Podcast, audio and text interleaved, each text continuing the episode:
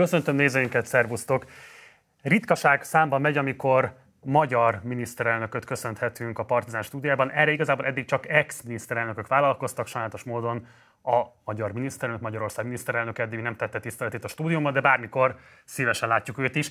Ex-miniszterelnökökből is mindössze eddig kettő fogadta el a meghívásunkat, és hát nem Magyarország, de magyar miniszterelnök eddig még egyáltalán nem járt a Partizán stúdiójában, de ma este ez is meg fog történni, és itt ül már velem Ódor Lajos, Szlovákia ex-miniszterelnöke, aki abból az apropóból érkezett Magyarországra, hogy magyarul is megjelent kötete, minden tudó kézi könyvét bemutassa a magyar közönségnek. Egyébként itt szeretném felhívni a figyelmeteket, hogy holnap, azaz december 1-én este 7 órától lehet találkozni a szerzővel Budapesten, a CEU auditoriumban, ahol Mérő Lászlóval és Munk Veronikával fog beszélgetni a legjobb kötetéről, de ma este még velem. Viszont ha szeretnétek élőben találkozni a szerzővel, akkor regisztráljatok az eseményre, és látogassatok el oda is és most mindjárt fordulok majd a vendégemhez, de mielőtt még ezt megtenném, két szolgálati közlemény. Az egyik, hogy mindenképpen iratkozzatok fel a csatornára, ha még nem tettétek volna meg, szálljatok a finanszírozásunkban, van rá lehetőségetek a leírásban található linken keresztül, illetve iratkozzatok fel az ugyan indult péntek reggeli hírháttér szolgáltatásunkra a péntek reggelre,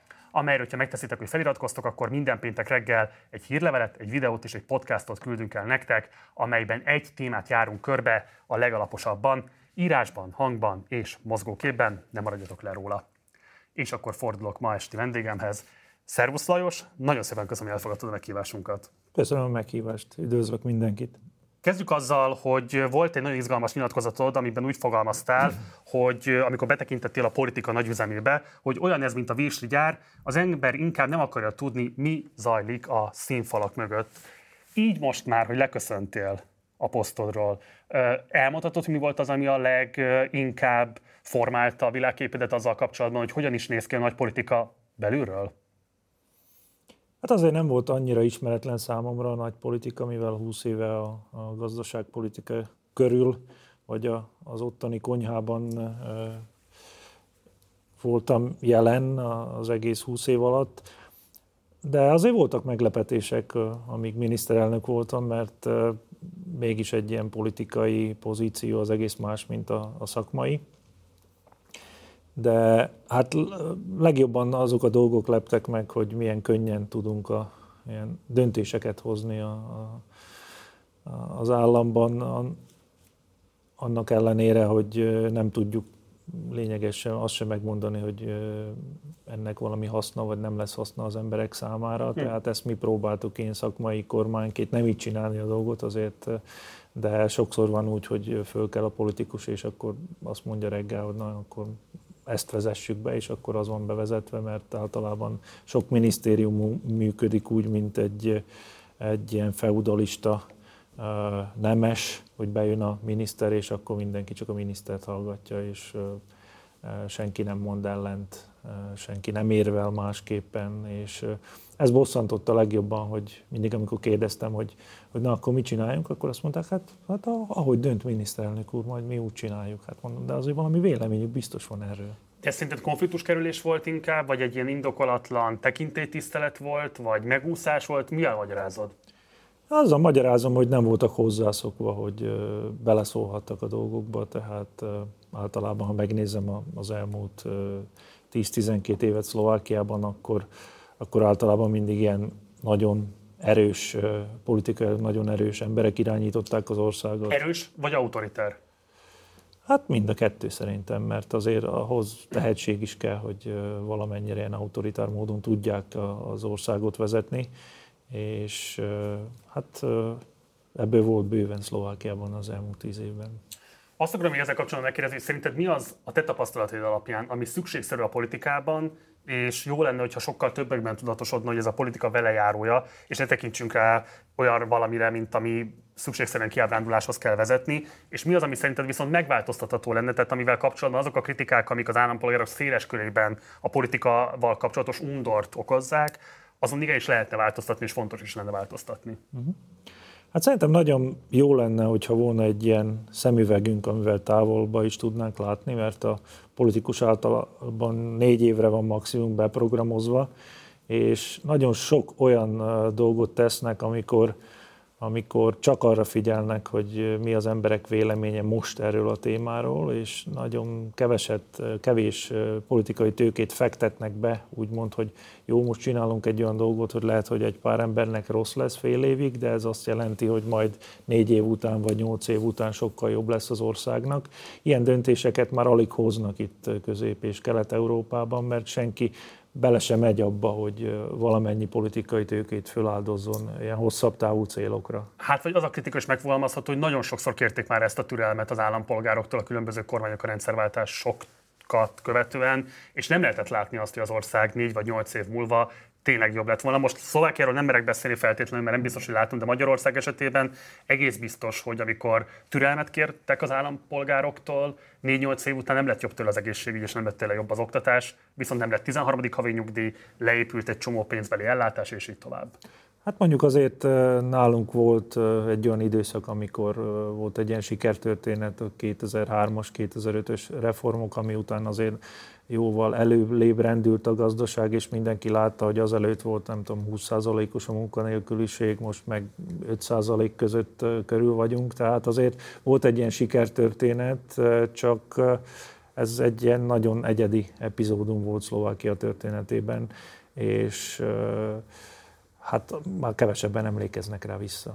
És mit válaszolnál azoknak a kritikusoknak, akik azt mondják, hogy például amikor a munkanélküliség Magyarországon is relatíve alacsony, de közben mondjuk a bérből és fizetésből élőknek több mint a fele az 350 eurót sem visz haza nettóban egy hónapban, tehát hogy lehet, hogy a foglalkoztatottság teljes, közel teljes, de ez a megélhetési költségeket sem képes fedezni a legtöbb esetben. Hát Legfontosabb persze az, hogy az embereknek legyen munkájuk, ezt mint közgazdás is el, el tudom mondani, ez azért fontos. Orbán Viktor is ezt mondja. Az lehet, nem tudom, mit mond erről a témáról, de ez nagyon fontos, mert amikor az embernek nincs munkája és tehetetlen, nem tud mit kezdeni magával, az nagyon, nagyon leviszi a, a, az elégedettséget az, a, a saját életével, tehát ezt, tudjuk bizonyítani. De persze számomra az is fontos volt, mert én ott voltam akkor 2003-2005-ben, amikor ezeket a reformokat csináltuk, hogy, hogy nem csak az a fontos, hogy munka legyen, az, az talán a legfontosabb, de az is, hogy, hogy az emberek saját bőrű, bőrükön tudják azt tapasztalni, hogy egyre jobb lesz, és hogy legyen valamilyen remény a fiatalok számára, hogy azért majd, majd az ő idejükben mégiscsak jobb lesz az országnak. Ezt el lehetett mondani még 30 éve a, a rendszerváltozáskor, hogy na majd a, nekünk nem biztos, hogy jó, de a fiataloknak majd jobb lesz, de most már azért, hogyha ezt hajtogatjuk mindig, akkor ezt már így nehezebb eladni politikailag is. De mit lehet akkor mondani a kiábrándultaknak? Tehát azt lehet látni, hogy munka van valóban, de megélhetés nincs, a bérkevés. Tehát egyszerűen mit lehet mondani akkor, amikor azt lehet látni, hogy... Szóval azt gondolod, hogy a rosszul fizető munka is jobb, mint a munka hiánya? Hát az mindenképpen igaz, csak hát nem, a, nem, ne az legyen már a cél, hogy rosszul fizető munka legyen azt, amit kínálunk az állampolgároknak. Tehát ezért fontos az, hogy a, maga az ország is egy olyan növekedési modellre álljon be, ami, ami hát jóval meg tudja majd növelni az emberek fizetését is. Hát, de ez történik Szlovákiában is, hogy lényegében most nincs olyan elképzelés, hogy mit lehetne csinálni hosszú távon, hogy az országnak jobb legyen, hanem általában csak így egyik napról a másikra gondolkodunk, és már messze nincs az a támogatottsága azoknak a reformoknak, amelyek, amelyeket 20 éve véghez vittünk. Mit lehetne kezdeni azzal az élménnyel, hogy itt azért mondjuk az Európai Uniós csatlakozás óta eltelt, most már lassan két évtized, jövőre lesz két évtized ennek, hogy az első bővítési hullám lezajlott. Azért azt lehetett látni, hogy a különböző kelet-európai tagállamok a negatív bérversenyben próbáltak pozíciókat szerezni a német újraiparosítással kapcsolatban. Tehát Orbán Viktornak az deklarált célja volt, hogy megnyerje ezt a negatív bérversenyt. Miért lehetett ennyire könnyen kiátszani ezeket a tagállamokat, miközben azt lehet látni, hogy az időszakosan megfogott egy-egy jobb pozíció is közép-hosszú távon, öt, egy öt éves, egy évtizedes távlatban nagyon komoly bérfeszültségeket, termelékenységi problémákat és így tovább tud okozni egy-egy tagállam esetében. Nem volt nagyon más lehetőség rendszerváltáskor, tehát azt lehetett látni, hogy nálunk nem volt tőke, nem voltak meg azok a technológiák, tehát azt, amit kellett csinálni, hogy behozni lényegében tőkét külföldről, és betanítani az embereket az új technológiákra. Na most ez egy ideig nagyon jól tud működni, ez addig nagyon jól tud működni, még mint ugye én az Európai Uniós átlag feléről így a háromnegyedéig eljutunk, az, az, az egész jó, csak utána ez már nem elég. Tehát ilyenkor a, a gazdaságnak egy más modelljére kéne átlépni, ez olyan, mint amikor valamikor régen Henry Ford mondta, hogy nem gyorsabb lovak kellenek, hanem autók. Tehát most már tényleg nem tudunk úgy versenyezni, hogy kiad kevesebbet ebben a régióban, és nem is érdemes így versenyezni.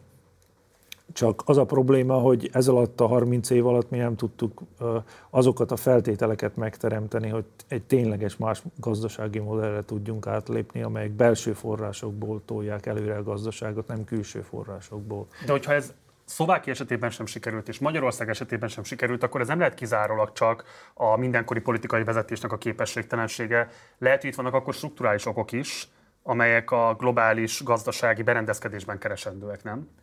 Persze, hogy vannak globális okok is, és ezt, ezt látni akkor, amikor bevontuk a, a globális kereskedelembe Kínát és Indiát, tehát ott is van egy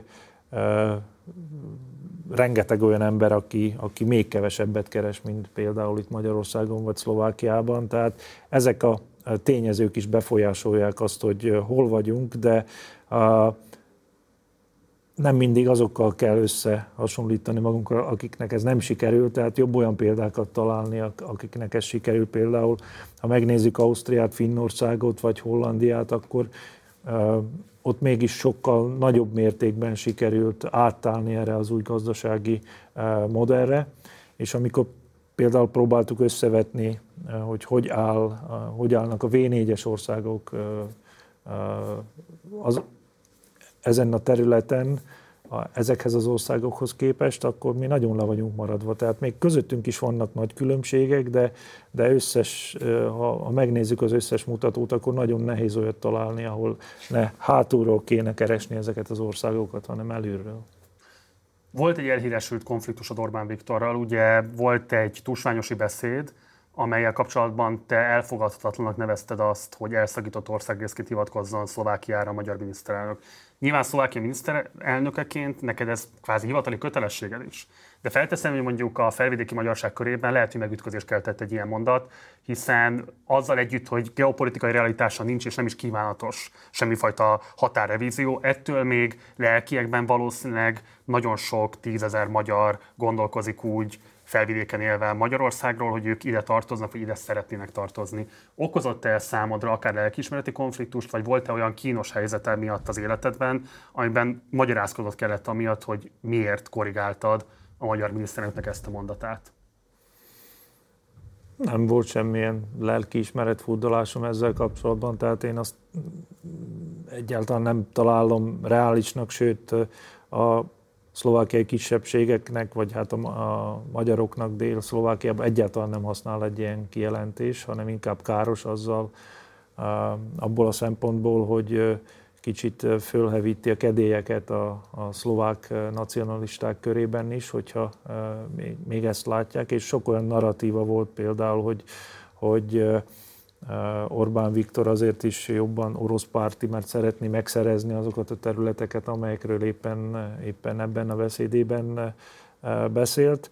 Tehát ilyen szempontból ezt mind miniszter, vagy, vagy akár mint a kisebbség képviselője Szlovákiában, ezt én így nyugodt szívvel el tudom mondani, tehát nem volt lelkiismeretfordásom.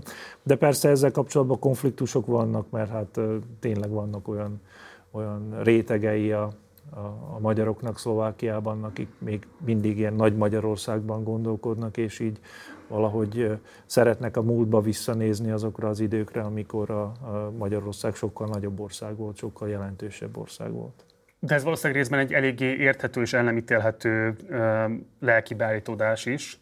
Tehát nyilvánvalóan ez a típusú nosztalgia valószínűleg de, családilag is determinált, tehát nagyon-nagyon sok tragédia, személyes családi tragédia is kötődik a trianoni békediktátumhoz. És mondom még egyszer, nyilvánvalóan nem kívánatos semmifajta határrevízió, tehát nem érdemes ilyesmi, csak gondolatkísérletelésen belemenni. De ezzel együtt az, hogy individuális szinten ez komoly traumáknak, vagy adott esetben meghurcolásoknak az élménye, az valószínűleg fontos lenne, hogy valamilyen módon elismerésre kerüljön adott esetben a szlovák állam részéről is. Éreztél ilyen típusú felelősséget saját magad szempontjából? Nyilván nagyon rövid ideig voltál miniszterelnök, de érezted azt, hogy valami ilyen típusú reparatív gesztusokat a felvidéki magyarság felé a szlovák államnak érdemes volna gyakorolnia? Ez soha nem volt napi renden ez a téma, tehát mivel szakmai kormány voltunk, az elején kijelentettük, hogy nem megyünk bele sem ilyen típusú konfliktusokba, sem a ilyen kulturális vitákba, tehát próbáltunk távol maradni ezektől a politikai kérdésektől, de természetesen azt, azt el tudom mondani, hogy ilyen szempontból sokkal jobb volna, hogyha mind a két ország le tudná valahogyan zárni ezt a múltat, és így lényegében közösen eldönteni azt, hogy na akkor, na akkor hogyan tovább, és már ne feszegessük azt, ami volt, hanem próbáljunk előre nézni. Ehhez néha egy gesztus kell, most láttuk több olyan ország volt, aki, aki például bocsánatot kért bizonyos dolgok iránt, főleg a rabszolgasággal kapcsolatban, tehát meg kell találni a politikailag azt az utat, amely mind a két félnek jó, de mondom, ezzel én nem foglalkoztam, mindjárt az elején kijelentettük, hogy mivel szakmai kormány vagyunk ezekben a témákban, mi, mi nem fogunk belemenni. És hogyha tanácsot adhatnál, úgy a magyar, mint mondjuk a mostani szlovák kormány részére, szerinted mi lenne az az egy-egy gesztus mindkét állam részéről, ami valami fajta belátást mutatna a másik ország irányába, vagy a saját országának a területén élő kisebbség irányába. Tehát mit javasolna, hogyha ilyesmiben kérnek tőle tanácsot? Nem tudom, nem, nem gondolkodtam még róla, valószínűleg arról beszélnék, hogy a, az egyik oldalról nem kéne a határokat annyira feszegetni, mert az elég kényes téma a másik ország számára, a másik oldalon viszont el kéne ismerni azt, hogy tényleg azért voltak olyan, olyan emberi sorsok, amelyek hát nagyon, nagyon megsínylették ezt a változást. Tehát ilyen szempontból inkább ilyen megértésre van szükség, mint arra, hogy na most akkor nem tudom, sajtótájékoztatón vagy beszédeken kiabáljuk azt, hogy az egyik vagy a másik oldal mennyire bűnös ebben a kérdésben. A kettős állampolgárság szlovák tilalmának a feloldása nem volna kívánatos? De természetesen, tehát én annak nem látok semmi, semmi értelmét rengeteg olyan ország van, ahol kettős állampolgárság működik, és semmi probléma nincs vele, tehát e, ilyen szempontból én ezt, e, én ezt nem tartom helyesnek, hogy ilyen tilalom van Szlovákiában. Miniszterelnök, nem gondolkoztál azon? Nyilván korlátozott volt a mandátumod, de nem gondolkoztál azon, hogy akár csak egy szimbolikus gesztus vagy egy javaslattétel erejéig is ezt fölvest? Nem, megint csak ugyanazt tudom mondani, mint a, a, az első kérdésben, hogy, hogy lényegében nem szerettünk volna olyan kérdéseket felvetni, ami, ami bármilyen módon így ilyen, ilyen kulturális ellentétekhez vezet, vagy államok közötti ellentétekhez vezet, és hát valószínűleg a parlament sem szavazta volna meg ezeket a dolgokat, tényleg csak egy gesztusról lett volna szó. De lehet, egy fontos gesztus, nem? Tehát ugye első magyarként töltötted be ezt a rendkívül fontos közjogi tisztséget, valószínűleg sokakban élhetett egy ilyen típusú vágyakozás, hogy legalább valamilyen megszólalás szintjén ennek hangot adhatsz. Nem tudom, lehet, hogy ez így volt, de mondom, mi úgy döntöttünk a legelején, hogy, hogy ezeket a kérdéseket nem fogjuk fölvetni. Nem tudom, hogy olvastad, de a Fiala Butora Jánosnak volt egy véleménycikke, amiben téged, vagy párhuzamot volt közted és Barack Obama elnök között, Ugye ő azt mondta, hogy Obama elnöksége kapcsán ő megsimogatta az intézményes rasszizmusnak a fenntartóinak a lelkiismeretét az ő elnöksége. Sokáig azt lehetett írni, hogy ezzel gyakorlatilag meghaladta Amerika a rasszista gyakorlatoknak a széles körét, az intézményesült rasszizmus, de hát ez egyáltalán nem történt meg. És nyilvánvaló, hogy annak a nyolc évnek az ő megítélése szerint nem volt igazából érdemi hatása erre a kérdésre. És nyilván a te mandátumodat nem szabad ezzel összehasonlítani, sokkal rövidebb ideig voltál hatalmon, nem is közvetlenül választáson nyerted el a tisztséget, és egyébként is a jogköröd korlátozottabb volt, mint egy miniszterelnöknek, mert egy speciális volt a felkérésed. De mégis mit gondolsz, nem tudom, hogy olvastad ezt a véleménycikket, mit gondolsz erről a párhuzamról, hogy magyar származású, vagy hát magyar kisebbségi miniszterelnökként lehetett az a látszata annak a te miniszterelnökségednek, hogy itt most valamilyen módon a reparatív gesztusok megindulnak majd a felvidéki magyarság irányába, de valójában ez inkább csak egyfajta taktikai mozgás volt a szlovák elit részéről. Nem olvastam a cikket, úgyhogy nem tudom pontosan uh, miről szólt, de uh, abból, amit elmondtál, uh, azt szeret, egy dolog, ami így, így megmaradt bennem, az az, hogy például ez nem történhetett volna meg a 90-es években, tehát nem lehetett volna egy magyar miniszterelnök, ugyanúgy, ahogy amikor még Bugár Béla aktív politikus volt, akkor nem lehetett a, a parlament elnöke, amiatt, hogy lényegében magyar. Tehát sok olyan, sok olyan nacionalizmusra fogékony ember van még mindig Szlovákiában, ami, amelyek számára ez elfogadhatatlan, de ha ezt ilyen 30 év távolatában nézzük meg, akkor, akkor lényegében ez mindig egy ilyen nagyon pozitív dolog, hogy ami még a 90-es években nem volt lehetséges, az, az most, most többé-kevésbé anélkül, hogy nagyobb felszólalások lettek volna ellene, egy-két felszólalás volt a parlamentben, de azon kívül tényleg senki nem csinált abból problémát, hogy Magyar-Szlovákia miniszterelnöke. Skeptikus nyilatkozatot tettél a választás után. Mit gondolsz Robert Fico új kormányáról, ami igazából a választások óta eltelt időszakban leginkább a médiával kapcsolatos csatározásaival vétette észre magát?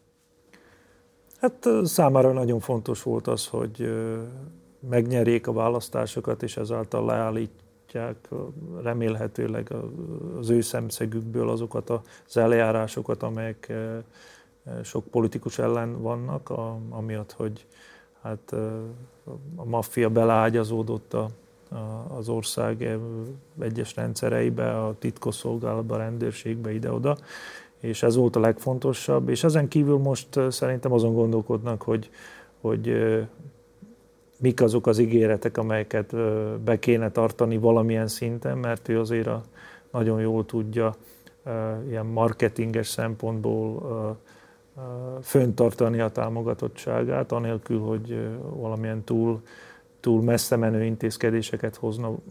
Ezt látjuk a média elleni csatározásban is, hogy eleinte úgy nézett ki, hogy majd nem engedi be ezeket a médiákat a sajtótájékoztatóra a kormányülés után, most már azt mondja, hogy csak ő nem fog velük találkozni, más, más kormánytagok találkoznak velük. Tehát általában ilyen látszat kormányzás lesz szerintem az elkövetkező 6-7 hónapban azért is, mert jönnek az elnökválasztások, vagy jön az elnökválasztás jövő éven, és hogyha a, a parlament elnöke is majd beszáll ebbe a csatározásba, akkor ők most nem fognak olyan lépéseket hozni, amelyek esetleg hátrányosan érintenék majd ezt a, a, az elnökválasztási esélyeket. Hogyan értékelt, hogy a Fico kormány leállította azt az Ukrajnának szánt segélycsomagot, pontosabban a fegyvercsomagot, amit szeretetek volna eljutatni számukra, amit még a ti kormányotok állított össze, ez ugye 40 millió euró értékű lőszert és rakétákat tartalmazó segélycsomag lett volna. Hát ez is inkább ilyen látszatpolitika abból a szempontból, hogy tényleg ez volt talán az utolsó csomag, amit még oda lehetett volna adni, mert a raktárokból most már mindent nagyjából odaadtunk Ukrajnának, és a többi dologra szükségünk van. És úgy néz ki, hogy ez csak a az állami támogatott támogatásokra érvényes, és nem a magánszektorra, tehát szerintem valójában nem fog leállítódni a, a segítség, csak hát a kormány által odaadott hát segítséget már nem fogják folyósítani Ukrajna számára, de már nagyon nincs is mit, tehát ilyen szempontból ez nem akkora probléma. Ez inkább ilyen, ilyen abból a szempontból probléma, hogy például az Európai Unió vagy a, a nato belül majd másképpen fognak ránk nézni. Ezt kérek tisztázt, mert ugye amiről az előbb én beszéltem, az kifejezetten egy állami hadisegély lett volna. Igen. Ehhez képest mi ez a magánsegély, ami viszont eljutott, vagy eljuthat? Tehát vannak azok a vállalatok, amelyek például gyártanak ilyen hadi gépeket, és ez megy ki Ukrajnába, mm. és szerintem ez folytatódni fog, és már azt nyilatkozták, hogy hát arra nincs az államnak befolyása, hogy Szlovákiából milyen hadisegély jut ki Ukrajnába az állami szektoron kívül, mert hát ott is vannak befolyásos emberek, akik, akik hát valamilyen szinten támogatták is a, a mostani kormánypártokat. Tehát azért mondom, hogy ennek inkább csak ilyen, ilyen marketing hatása van, de lényegében, lényegében ez nem akkora probléma Ukrajna számára. Ez inkább csak ilyen tényleg arról szól, hogy most kicsit, kicsit más irányba indult Szlovákia, mint, mint eddig. A választás után tartottál egy sajtótájékoztatót Horváth Mihály pénzügyminiszterrel. Mindjárt átérünk a tartalmára is, de kérlek, hogy segíts megértenem, miért Lego kockák használatával akartátok prezentálni a szerintetek kívánatos lépéseket? Nem is tudom, hogy honnan jött ez az ötlet. Egyszer valamikor kérdeztek egy interjúban, hogy csinálunk-e a következő kormány számára olyan javaslatokat, amiből aztán majd ők felépíthetik az új költségvetést. És akkor mondtam, hogy hát mi persze nem tudjuk, hogy pontosan milyen kormány jön, ezért majd kidolgozunk egy ilyen javaslattervezetet, amiben lesz több tíz, majdnem száz javaslat, és hát majd ők kiválasztják maguknak azokat a Lego kockákat, amiből majd összerakják a költségvetést, és valahogy ez az interjú, ez olyan sikeres volt, hogy aztán mindenki a Lego kockákról beszélt, és akkor azt mondtuk, hát ha mindenki erről beszél, akkor vigyünk oda Lego kockákat a sajtótájékoztatóra. Tehát ez, ez ilyen egyszerű. Azt hogy ez a típusú játékosság Magyarországon teljesen ismeretlen, ezért akartam csak ezt kihangsúlyozni.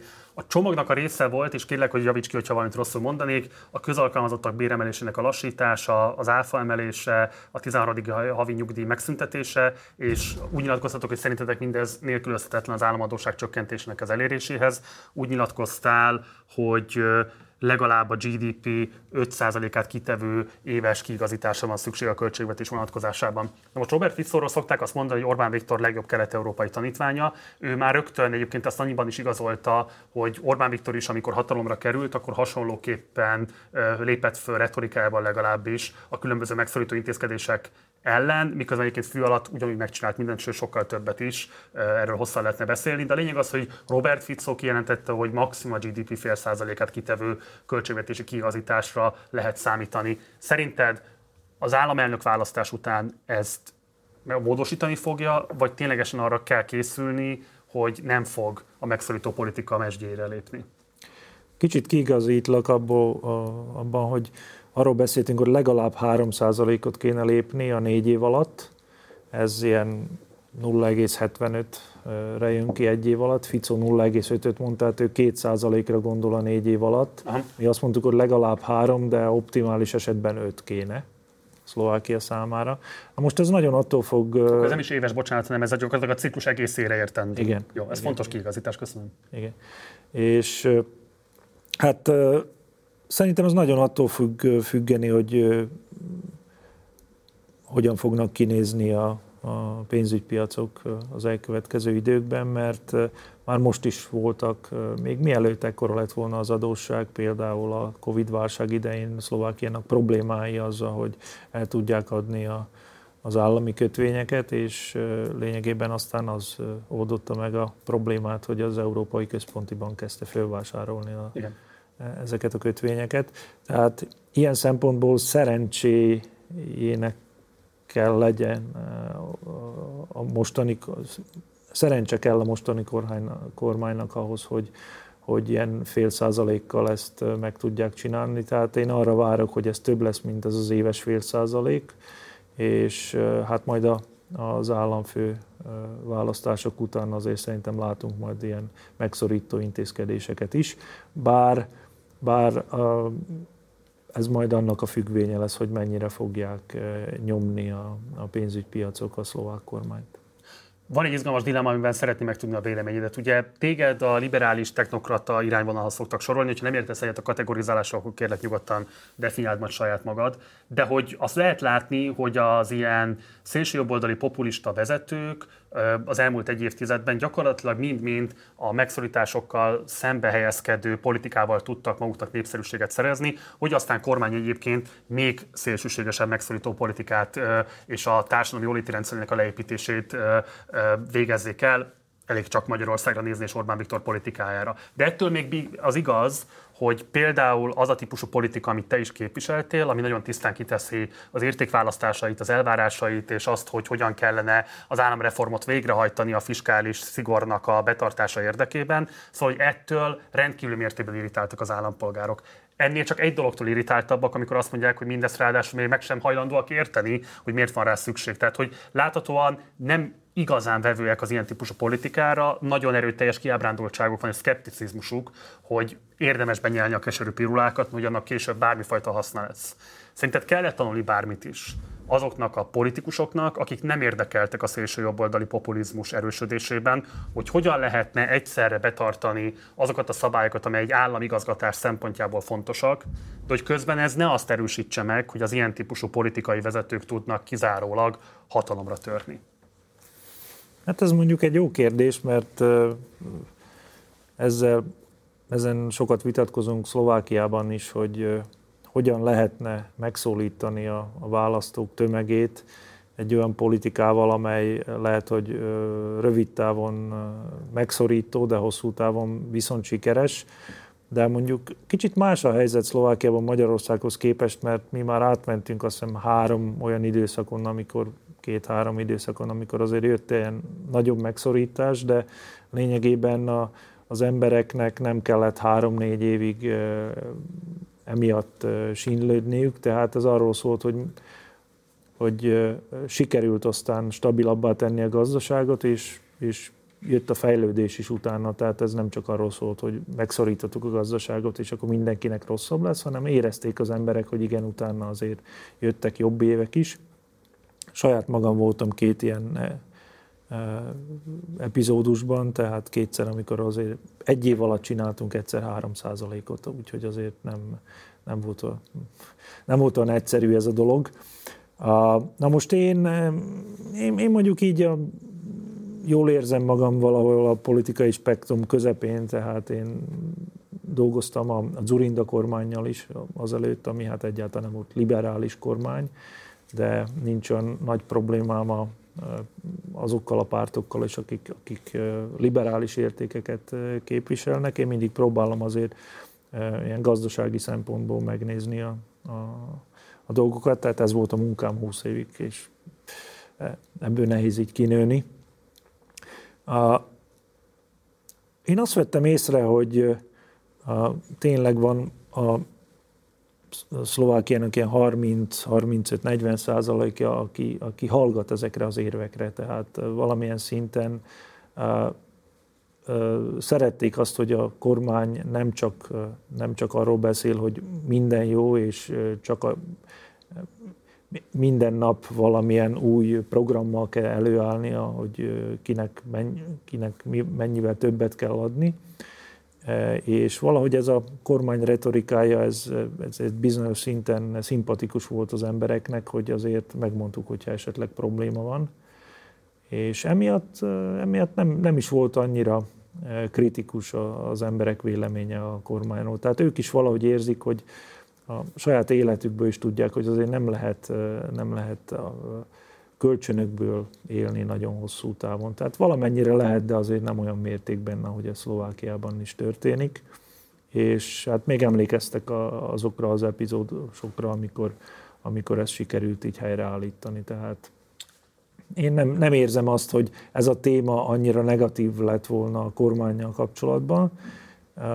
Inkább voltak más témák, mint a migráció, vagy a medvék, amelyek, amelyek azért sokkal, Igen, olvastuk azt sokkal is. Intenzíve, intenzívebben foglalkoztatták a közvéleményt. Hát vagy a médiát. Vagy a médiát, igen. Akkor másként teszem fel a kérdést, hogy Magyarországon annyira szélsőségesen perverz az adórendszer, hogy gyakorlatilag a magyar adófizetők finanszírozzák a Mercedes, az Audi profitját, miközben mondjuk egy, itt Óbudán vagyunk, egy sarki pékség, egy magyar KKV magasabb adókulcsal adózik, mint az említett gyárak. És ha egy főre levetítjük a foglalkoztatáshoz adott állami hozzájárulást, akkor azt lehet látni, hogy egész egyszerűen soha nem fognak kapni annyi pénzt a közös kasszából, mint amit az említett nagy német autógyártók azért, hogy magyar embereket foglalkoztassanak. Szóval, hogy ezeket a típusú igazságtalanságokat szerinted hogyan kellene kezelni?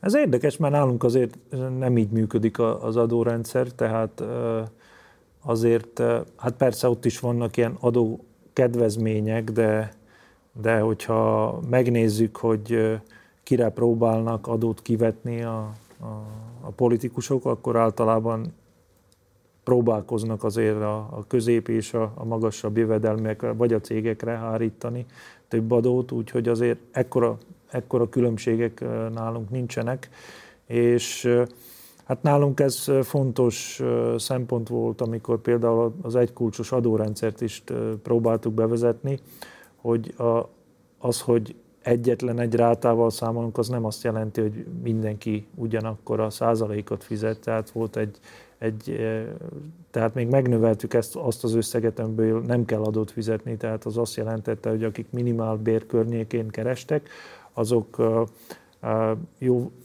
nem fizettek eszélyát, és akik magas jövedelemmel rendelkeztek, azok már majdnem 19%-ot fizettek. Tehát, tehát talán egy más filozófián alapult akkor ez az egy kulcsos adórendszer, mint, mint itt. Mi főleg azt akartak, hogy, hogy mivel egyszerűbb, minél egyszerűbb legyen a rendszer, tehát hogy ne kelljen az embereknek azon gondolkozni, hogy hogyan játsszák ki a rendszert. Monetáris szakember is vagy, sőt, tehát alelnöke voltál a Szlovák Nemzeti Banknak. Hogyan értékeled azt a monetáris fordulatot, amit a pandémiát követően láthattunk a világban? Tehát, hogy megtört az a típusú tabu, miszerint jegybankok nem finanszírozhatnak államokat, tömegével vették a különböző jegybankok, Igen. vagy a jegybank intézmény betöltő, vagy a jegybank szerepét betöltő intézmények az állampapírokat. Te mit ilyen tanulságot szűrtél ebből? Hú, hát erről lehetne akár 8 óráig is beszélni, hogy, hogy, hogy mik a tanulságok ebből. A, hát az mindenképpen hosszú távon ez nagyon veszélyes politika, ezt mindenki tudja, mivel hát láttuk a történelem során, hogy amikor jegybankok finanszírozták az államköltségeit hosszú távon, akkor az mindig csak nagy inflációhoz vezetett, és lényegében az emberek megtakarításai azok semmivé váltak, hogyha jött egy hosszú távú magasabb infláció. Na most a mostani helyzettel az volt a probléma, hogy nagyon alacsonyra csökkentek a, az egyensúlyi kamatok. Ez azt jelenti, hogy lényegében nem volt elég az, hogyha nullára csökkentette a kamatlábakat a központi bank, hanem még alá kellett valahogy menni. És hát az egyik módja ennek az, hogy jó, hogyha a rövid távú kamatok nullán vannak, akkor próbáljuk a hosszú távúakat is oda, oda vinni, és ezt úgy lehet elérni, hogy például állampapírokat vesznek a, a, a központi bankok. És hát ez két legyet üt egy csapásra, az egyik az, hogy hát próbálja lejjebb vinni a kamatokat, másik az, hogy lényegében akkor azt mondja a kormánynak, hogy na most akkor költekezzetek amennyit akartok, mert mi, visz, mi visszük el, a, a mi, mi vásároljuk meg a, az állampapírt.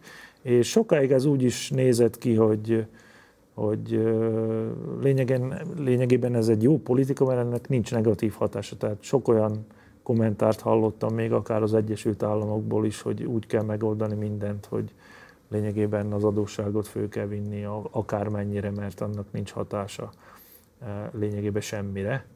Na most aztán láttuk, hogy ez nem így van, mert azért az infláció kezdett e, e, megnövekedni egyes országokban, még hogyha, még hogyha nem lehet azt elmondani, hogy maga az infláció csak amelyet növekedett, tehát voltak az energiaárak, volt ennek több oka is. De hát a tanulság Például az... a vállalati profit, mint, mint ahogy azt láthattuk több elemzésből is. Igen.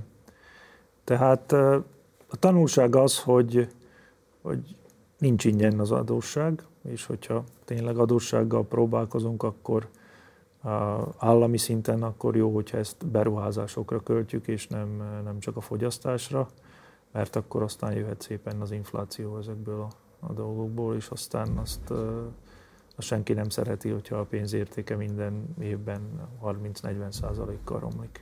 A központi kormányzati napilap a Magyar Nemzet hasonlóan jelent meg nyáron egy publicisztika, Ágoston Balázs volt a szerzője, ami nagyon nagy port kavart Szlovákiában. Magyarországon szerintem kevésbé vettük észre, hogy mekkora sértésszámba ment az, ami ott megjelent. Hadd idézzek belőle. Azt írta a szerző a 68-as prágai tavasz leverése és abban a magyar hadseregnek a szerepvállalása kapcsán, hogy a szégyent viselje a gyáva és szolgálekű hazaráló Kárdár rezsim, mely pisszenni sem mert a nemzeti érdek érvényesítésért, pedig ha csak fikarci nemzeti érzés és kevéske bátorság szorult volna az internacionalista vörös diktatúra magyarországi vezetőibe, a kényszerű részvételt, tehát a prágai tavasz leverésében megpróbálhatták volna a magyar ügy előnyére fordítani. Talán, talán 68-ban is elérhető lett volna igazságos etnikai alapú határkiigazítás, tehát Szlovákia kárára, és hazatérhettek volna szín-magyar területek. Illékony remény volt 1968-ban az a két hónap, de magyar szemszögből mégiscsak remény, és ha tanulunk belőle, a jövőnek akkor nem volt hiába való. Mekkora volt valójában az ügy Szlovákiában, ami a publicisztika kapcsán kirobbant? Azért akkor a nagy nem, mert senki nem kérdezett róla a sajtótájékoztatón, tehát azzal mérem a, a, az ügyek fontosságát, hogy kérdeztek ezekről a sajtótájékoztatón. Például erről a cikkről nem volt szó, viszont arról a beszédről, amit már említettünk, Orbán Viktor beszédről, arról, arról azért elég nagy, az, az elég nagy port vert fel Szlovákiában. Tehát te fölhívtad Orbán Viktort? Ne, ne. A miniszterelnökséged alatt beszéltetek valaha? Beszéltünk általában azokon a találkozókon, amikor, amikor hát a kormányfők jelen voltak, főleg Brüsszelben, vagy a V4-es találkozón Pozsonban például beszéltünk egymással. De például a beiktatásod után bármilyen módon kereste veled a kapcsolatot, vagy volt bármilyen fajta egyeztetés, ami arról szólt volna, hogy hogyan lehetne itt akkor a két állam közötti viszonyt fejleszteni, javítani, együttműködni? Nem, nem volt ilyen beszélgetés. Azt hiszem, hogy meglepő, nem? Nem tudom, számomra azért nem volt akkora meglepő, mert hát mindenki tudta, hogy mi csak szakmai kormány vagyunk, tehát azért bármiben is, ha megegyeztünk volna, akkor mindig az lett volna, hogy majd azzal kellett volna megegyezni, aki, aki jön utánunk, és hát majd négy évre szól a küldetése. És azon kívül mindjárt az elejétől fogva teljesen látszódott az, hogy azért az itteni kormány azt szerette volna majd, hogyha Ficó visszajön hatalomra, és hát próbáltak ilyen néhányszor azért kicsit beleavatkozni az ottani választások előtti hangulatokba.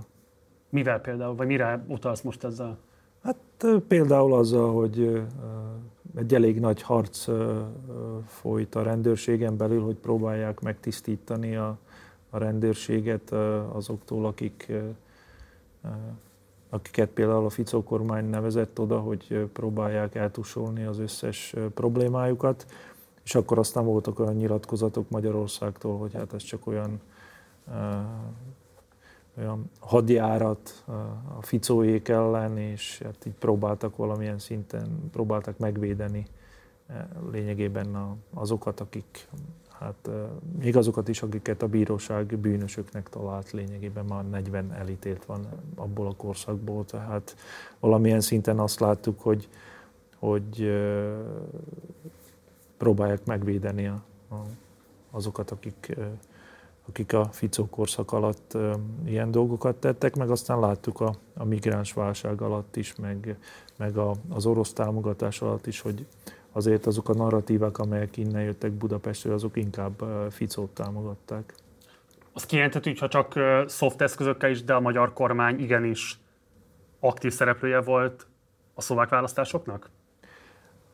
Nem hiszem, azért nem annyira aktív. Lehet, hogy a, lehet, hogy a magyar kisebbség körében ez, ez így igaz, de, de Szlovákia egészét nézve nem, nem hiszem, azért nem voltak akkora atrocitások, nem voltak akkora problémák ezzel kapcsolatban, csak így néha, néha lehetett érezni ezekből a kijelentésekből, hogy... A Szijjártó Péter konkrétan kampányolt is.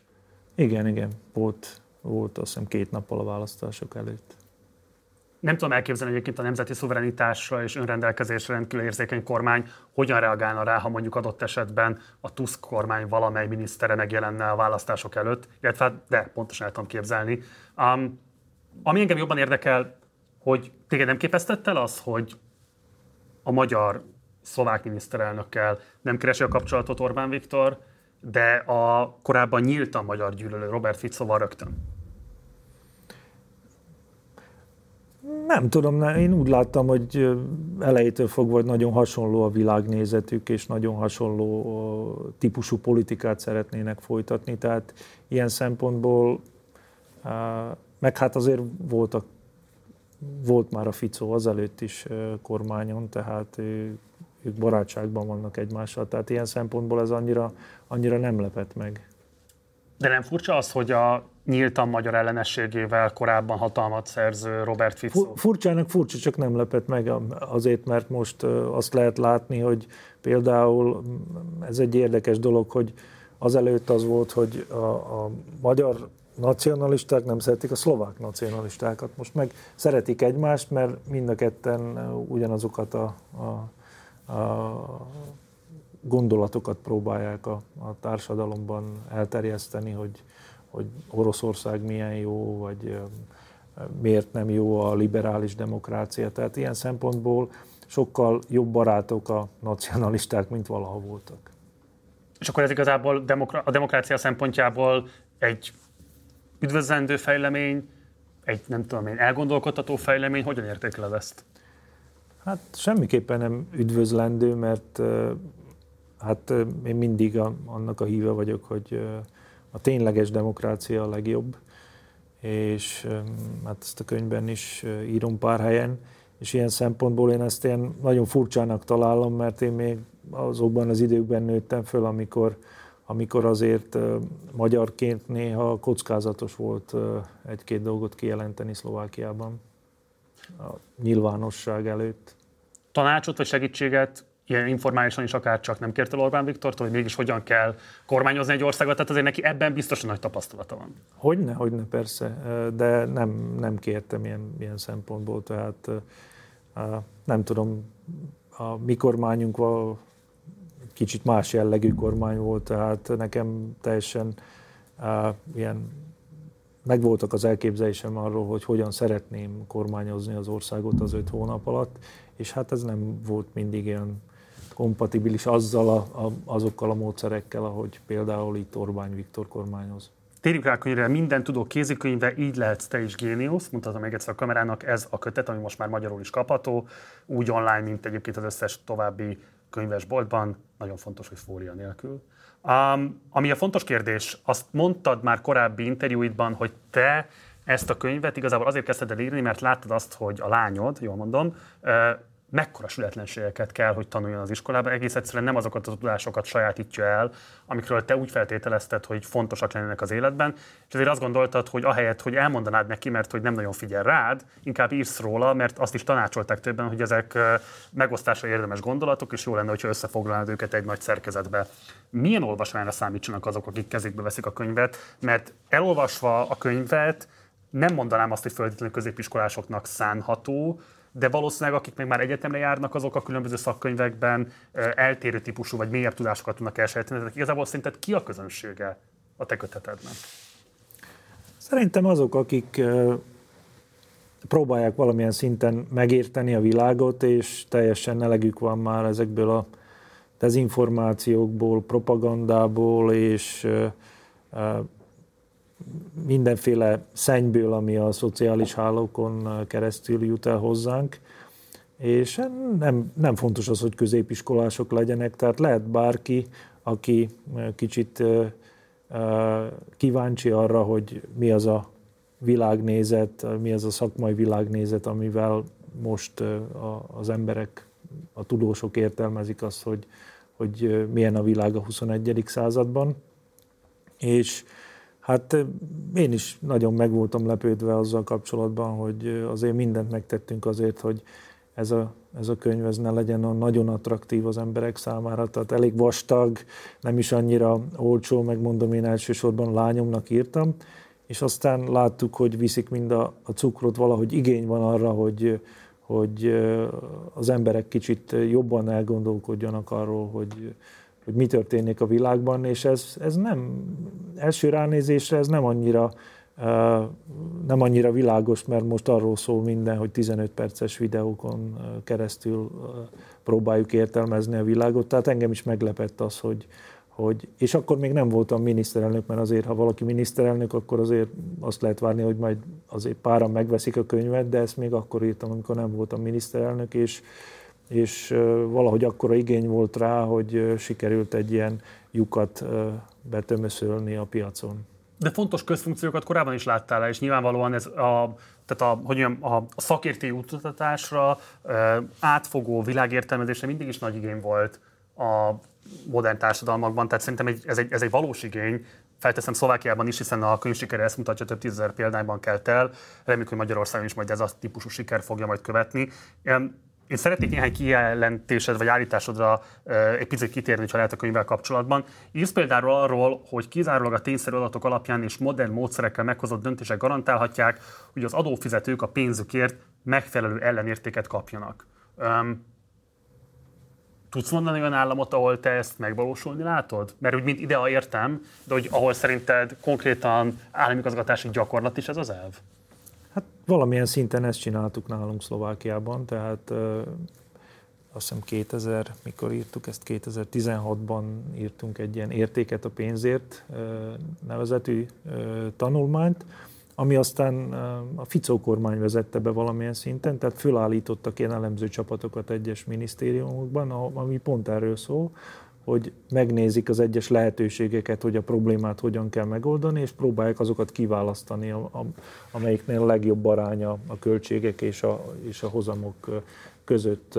Ez nem azt jelenti, hogy a politikusoknak meg van kötve a keze, hogy hogyan kell dönteniük, hanem arról szól, hogy mielőtt döntenek, legalább ismerjék, hogy mik azokat a lehetőségek, amelyek az adott problémát megoldanák. Tehát ilyen szinten ez elkezdődött Szlovákiában, nem azt mondom, hogy fantasztikusan működik, de ezek a csapatok már megspóroltak az adófizetők számára, már azt is lehet mondani, hogy talán egy milliárd eurót is. Egy másik kijelentés, ez is elég izgalmas, azt mondod, vagy azt írod pontosabban, a 21. században a jövedelmi különbségek nehéz kérdéseire is meg kell küzdenünk. Szerinted, szerinted mi kell ehhez? Tehát hogy lehetne azokkal az egészen szégyenteljes jövedelemkülönbségekkel kezdeni valamit, amely egyes államokon belül is rendkívül kirívóak, de hát világviszonylatban pedig egészen elképesztő. Most nem akarok belemenni ebbe, ezekbe a különböző összehasonlításokba, hogy a világ leggazdagabb 1%-a a világ karbonlábnyomának mekkora hányadát teszi ki. Spoiler alert, a legnagyobbat. Tehát, hogy hogyan lehetne ezekről a dolgokról egyáltalán gondolkodni, amikor egy-egy nemzetállamon belül is lehetetlenségnek tűnik az elmúlt két évtizedben, hogy csökkenjenek a jövedelmi különbségek, mindenhol nőttek, világviszonylatban pedig még inkább nőttek. Nem tűnik úgy, hogy lenne bármilyen olyan típusú nemzetállami vagy államokon átívelő hatóság, intézmény, kormány, bármi, ami ennek gátat tudna szabni. Na, ez nem pontosan így van, tehát az elmúlt 5-6 évtizedben jelentősen csökkentek az országok közötti jövedelemkülönbségek, de radikálisan, tehát ilyen 60 éve a világ fele élt abszolút szegénységben, most csak a 10%-a. Tehát azzal, hogy bevontuk Kínát, Indiát és a, a posztkommunista országokat a, a, a globális kereskedelembe, kihúztunk két milliárd embert a, az abszolút szegénységből. Na most az a probléma ezzel, hogy, hogy viszont államokon belül megnőttek a jövedelembeli különbségek, ez pedig abból fakad, hogy az, aki nagyon jó, az most nem csak a, a falubeli piacon tudja eladni a portékáját, hanem világviszonylatban is, és ezek visznek mindent. De egy dolog, ami a legfontosabb, és miért írtam ezt, vagy inkább két dolog, az egyik az, hogy valahogy kezd eltűnni a középréteg sok országban, és ez amiatt is van, hogy a, a valahogy a technológiai trendekkel nem, nem tudja az oktatásügy fenntartani a, a, a versenyt, és ebből az adódik, hogy nagyon nagy prémiumot tudnak azok hazavinni, akik, akik tényleg nagyon jók, okosak és képzettek, azokhoz képest, akik, akiket az oktatási rendszer nem tud felkészíteni a 21. század buktatóira. Ez egy nagyon érdekes kérdés. A másik érdekes kérdés pedig az, hogy lényegében kit, kit adóztasson meg a, az állam, és hogyan változtassa át az egész adórendszerét. Ez két dolog miatt érdekes. Az egyik például a, a globális felmelegedés, hogy tényleg sokkal jobban kéne megadóztatni azokat, akik nagyobb mértékben hozzájárulnak a széndiokszid kibocsátásához.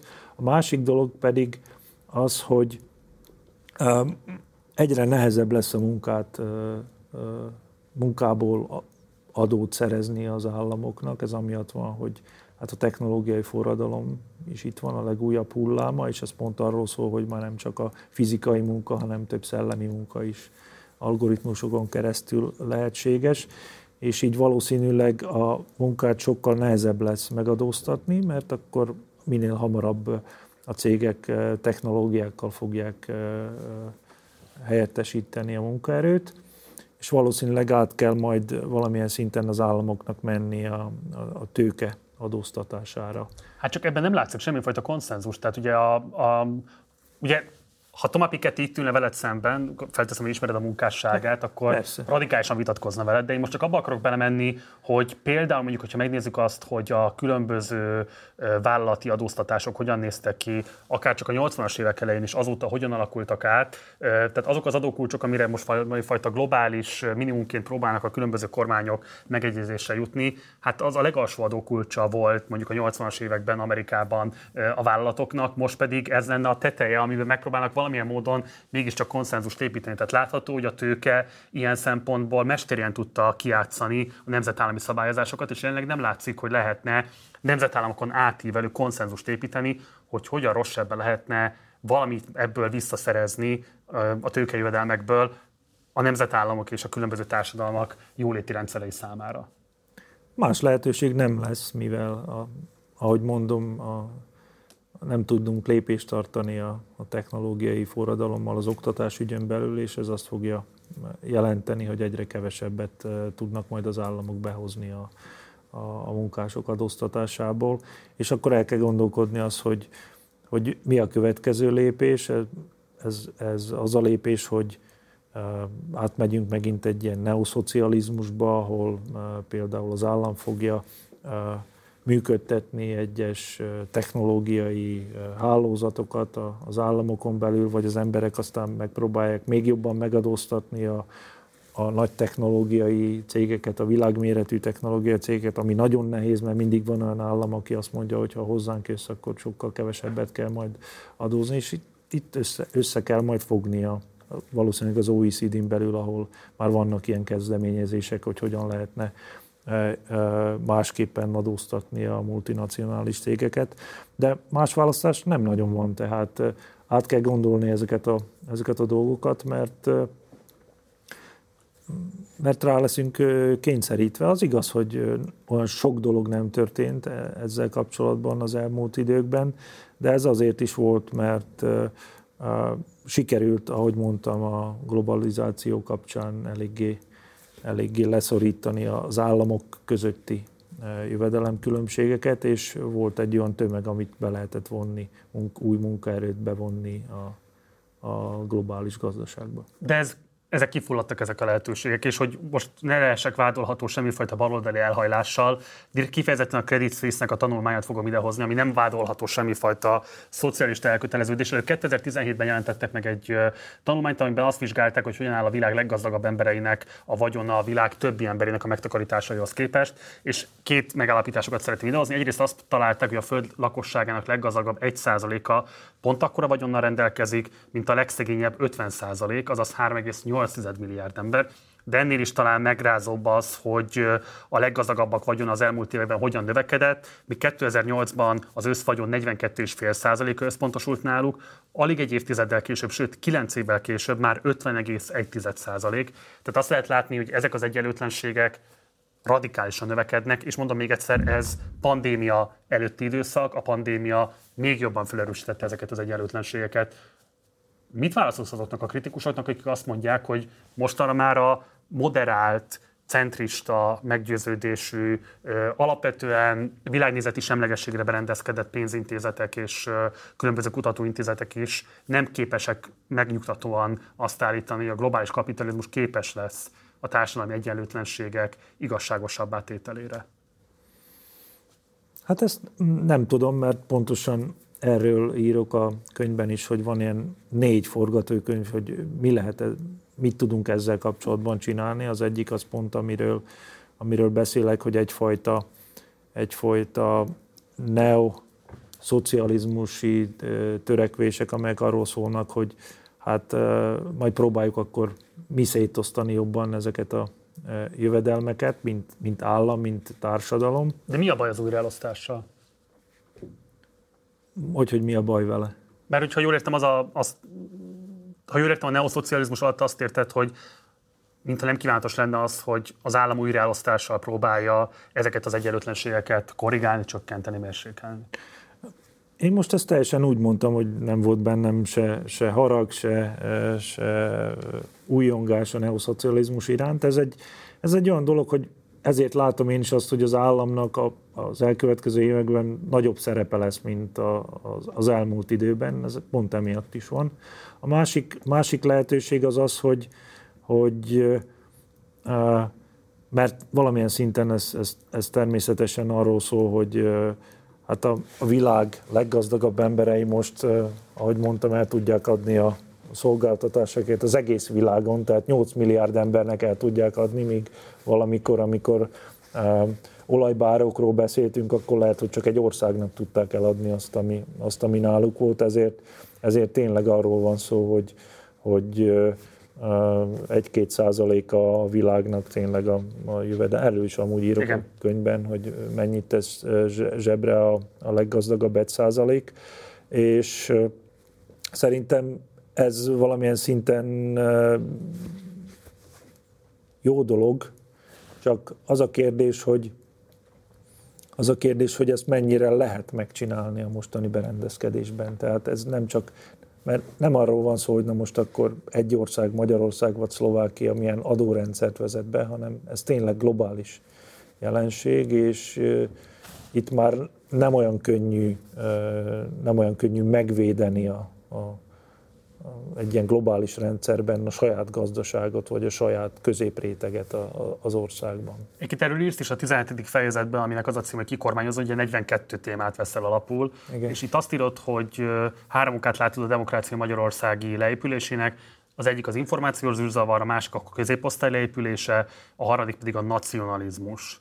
Öm, hogyan hat ez egy, három egymásra? Tehát melyik az ok, és melyik az okozat? Ez, ez egy elég összetett probléma, amikor erről gondolkozok, akkor a lényegében a legfontosabb dolog számomra a, mindig a, a középső, hogyha tényleg demokrációról akarunk beszélni, akkor a, a középréteg erre nagyon fontos, mert pontosan arról van szó, hogy ha nincs középréteg, akkor ez egy ilyen osztályok közötti harc. A gazdagok és a szegények, hogy akkor most kik ki mennyit ad, ki mennyit veszel a másiktól, és a középréteg az mindig abból volt fontos, hogy nem csak ezt a, az elosztást látta a gazdaságon belül, hanem a, látta azt is, hogy például az oktatásnak mekkora nagy szerepe van a, uh-huh. a, a, az állam hatékonysága szempontjából, tehát ezért nagyon fontos az, hogy legyen az országban egy jó középréteg, ha nincs, akkor a demokrácia is sérül, és akkor tényleg ez csak egy ilyen két, két rész közötti harc. Tehát ez számomra az egyik legfontosabb ok, hogy ezt, ha ezt nem tudjuk megcsinálni, akkor, akkor lényegében a többi az már csak rátesz, az a nacionalizmus, vagy, a, vagy ez az információs zűrzavar, ez rosszabbá teheti a dolgokat, de hogyha volna egy jó, jó tanult, művelt középréteg az országban, akkor sokkal nehezebb dolga volna a nacionalizmusnak is, meg az információ zűrzavarnak is. Tehát inkább ezt látom oknak. A könyvben több helyen is megvéded az atomenergiát, sőt a nevethez fűződik miniszterelnökként, hogy elnyert Szlovákia egy amerikai pályázatot kis moduláris atomreaktorok fejlesztésére. Mit gondolsz az orosz hitelből épülő Paks 2-ről?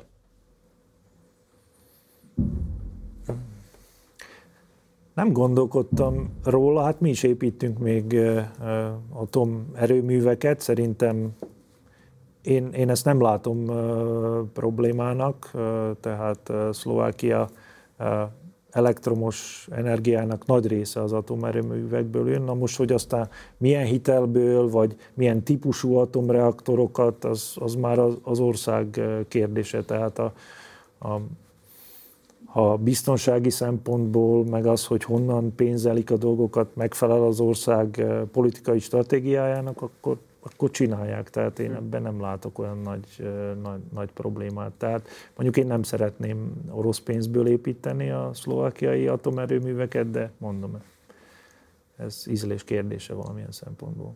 És akkor záró kérdés. Nyilván te akár Amerikában, akár Nyugat-Európában is nagy karriert futhattál volna be, és mégis maradtál Kelet-Közép-Európában. És ugye Magyarországon most volt két friss Nobel-díjasunk, aki nagyon büszke volt az ország, és nagyon erősen föllángolt az a vita, hogy hát ők Magyarországon nem futhattak volna be hasonló karriert. Ami részben igaz, de csak részben oka a mindenkori magyar kormánynak, meg a mindenkori magyar állam diszfunkciójának. Itt azért nagyon erőteljesen ott van az a helyzet is, hogy az agyelszívás, mint jelenség egész egyszerűen a több tőkével rendelkező, kulturálisan adott esetben több, tehát a tőkét nem csak anyagi értelemben, a kulturálisan értem, tehát hogy Igen. ezeket az fiatal embereket nagyon komoly lehetőségekkel tudják elcsábítani sokkal jobb körülmények közé, amiket a magyar állam akkor sem volna képes garantálni, ha egyébként egy nagyságrendekkel kevésbé korrupt kormány igazgatná az országot. Szóval egy fontos kérdés, hogy ha esetleg, mert ezt a csatornát alapvetően ilyen emberek nézik, egy fiatalnak azzal kellene érvelned, hogy miért maradjon mégis Kelet-Közép-Európában, azzal együtt, hogy ambiciózus, tehetséges, a környezet és visszaigazolja, hogy megvannak a képessége ahhoz, hogy komoly karriert fusson be. Szóval miért érdemes szerinted mégis inkább a régióban kiteljesednie bárkinek is? Az attól függ, hogy mit szeret az illető. Tehát, hogyha tényleg világszínvonalon kutatni szeretne, akkor nem sok érvem van. Ha a azt szereti, hogy a, a tudást azt valamilyen szinten a közösség javára próbálja értékesíteni, akkor maradjon, mert sehol nincs akkora lehetősége, mint egy kis országokban, ahol, mint én is, a 20 év alatt négy-öt olyan reformot tudtunk végrehajtani, amit Amerikában egyszerűen lehetetlen volna megcsinálni, vagy ha meg lehetne csinálni, akkor esetleg ilyen 68. születésnapomon kerülnék abba a pozícióba, amikor erre behatásom lehetne. Itt pedig közép-kelet-európában azt hiszem még 30 éves voltam, amikor a, például az egykurcsos adórendszerrel foglalkoztunk, meg a, meg a többi reformmal, amit bevezettünk. Tehát sokkal, sokkal több lehetőség van befolyásra Közép- és Kelet-Európában, mint, mint a nagyobb országokban, de kutatás területén nincsenek jó érveim. Hát reméljük azért, hogy mégiscsak a jó érveknek a súlya azért inkább ide fogja billenteni azokat, akik a kivándorlásban gondolkodnak, mert szükségünk van ezekre az emberekre is a következő évtizedekben. Ódorla, és nagyon szépen köszönöm, hogy elfogadtad a meghívásunkat és megtisztelte jelenléteddel. Köszönöm, hogy válaszoltál a kérdéseimre. Köszönöm a meghívást még egyszer. Nektek pedig köszi a figyelmet még egyszer, tehát Ódor Lajos minden tudok kézi könyve, így lehetsz te is géniusz, ez a kötet, ami már kapható online, illetve a könyvesboltokban, és még egyszer fontos, hogyha esetleg nem a legelejétől néznéd, vagy néznétek az adást, holnap kaphat, holnap lesz bemutatója a kötetnek a CEU auditoriumban 7 órától, este 7 órától. A regisztrációt megtaláljátok a leírásban, amúgy a szerzővel Mérő László, illetve Munk Veronika fognak majd beszélgetni, és hangozzanak itt is, hogy a kötetet magát egyébként Vái Horváth Erika fordította, és az Open Books gondozásában jelenik meg. Nagyon fontos, hogy elindult hírháttér szolgáltatásunk a péntek reggel.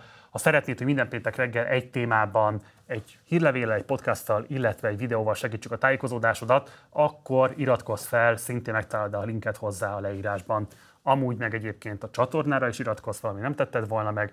Ha van rá lehetőséget, kérlek, hogy szállj be a finanszírozásunkba, ehhez is megtalálod a linket a leírásban és ha van bármilyen kérdésed, észrevételed az elhangzottakkal kapcsolatban, akkor várlak a komment szekcióban. Ha tetszett, amit hallottál, akkor pörgesd az algoritmust a mi érdekünkben egy like gomb megnyomásával. Munkatársai nevében köszönöm szépen a megtisztelő figyelmed, Gulyás Márton voltam Budapestről, jó éjszakát kívánok, ciao.